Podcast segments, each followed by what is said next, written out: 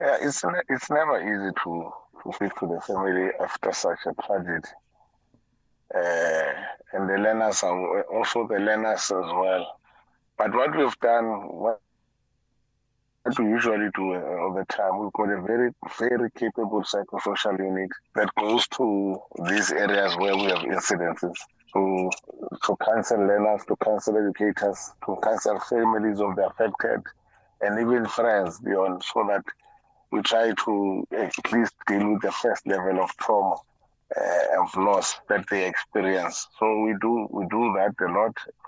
Uh, but furthermore, obviously, uh, the the incident has also made us to think uh, beyond our scope of uh, responsibility.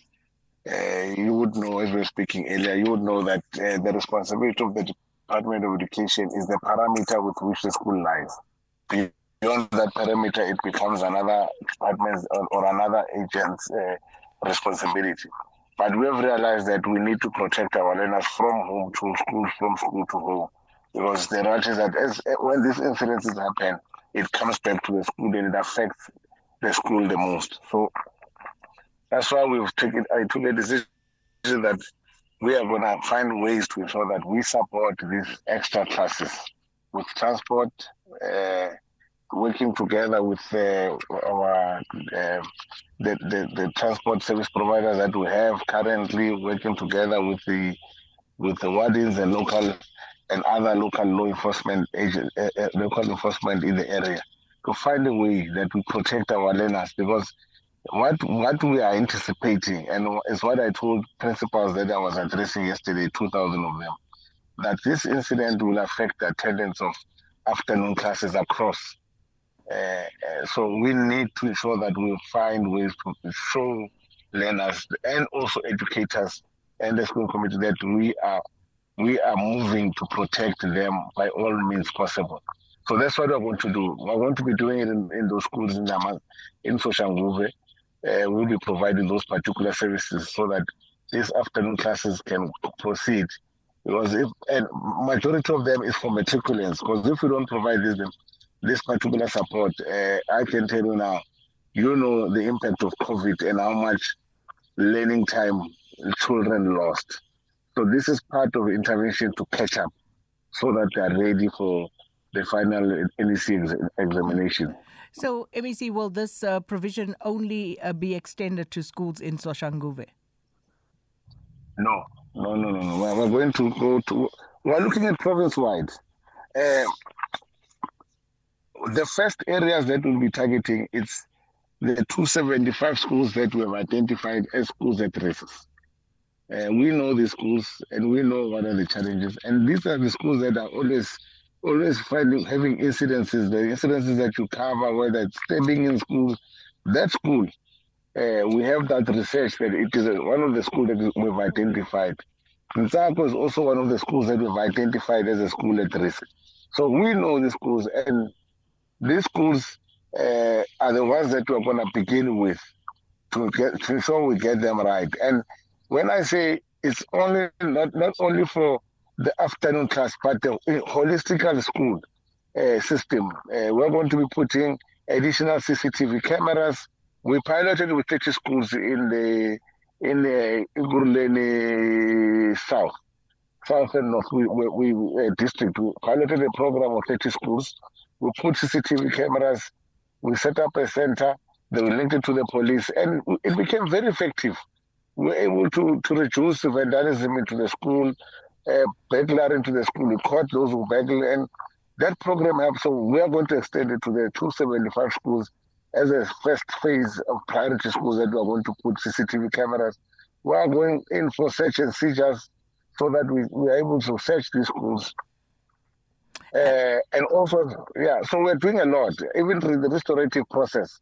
We've put the budget aside so that whenever these lenders that we catch, whether they'll be having substance, drugs on them, or whether we'll have dangerous weapons on them, we rehabilitate them, we restore them so that they understand that they are on the wrong path.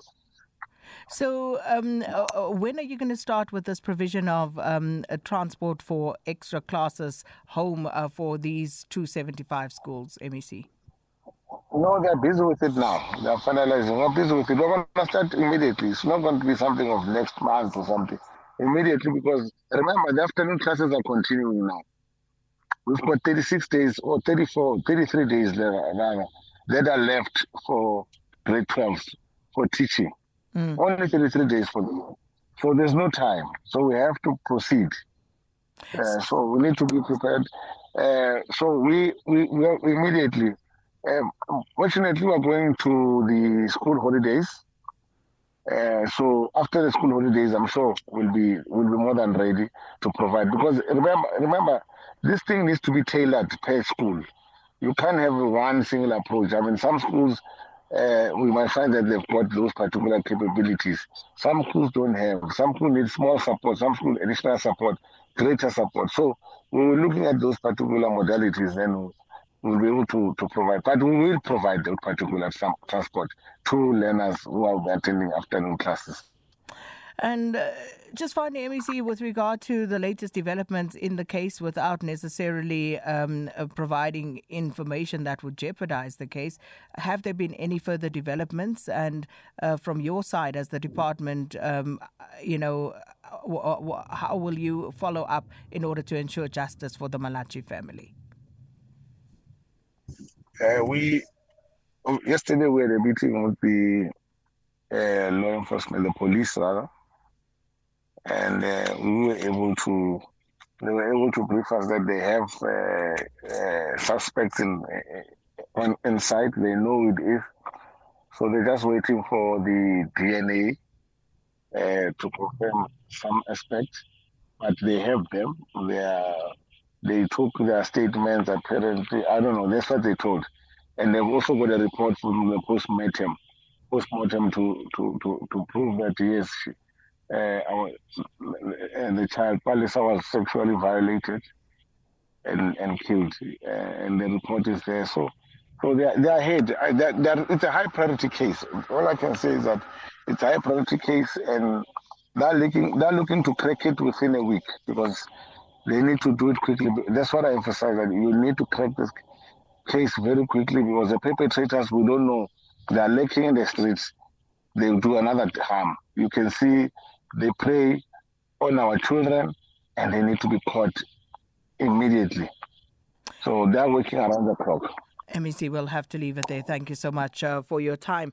That was uh, Matume Chilwane, the MEC for Education in Gauteng, and uh, the latest there with regard to uh, that uh, case involving uh, Palisa Malachi was a 17-year-old learner from Nsa uh, Nsako Secondary School in Soshanguve who was um, uh, murdered on her way home from school after attending extra classes.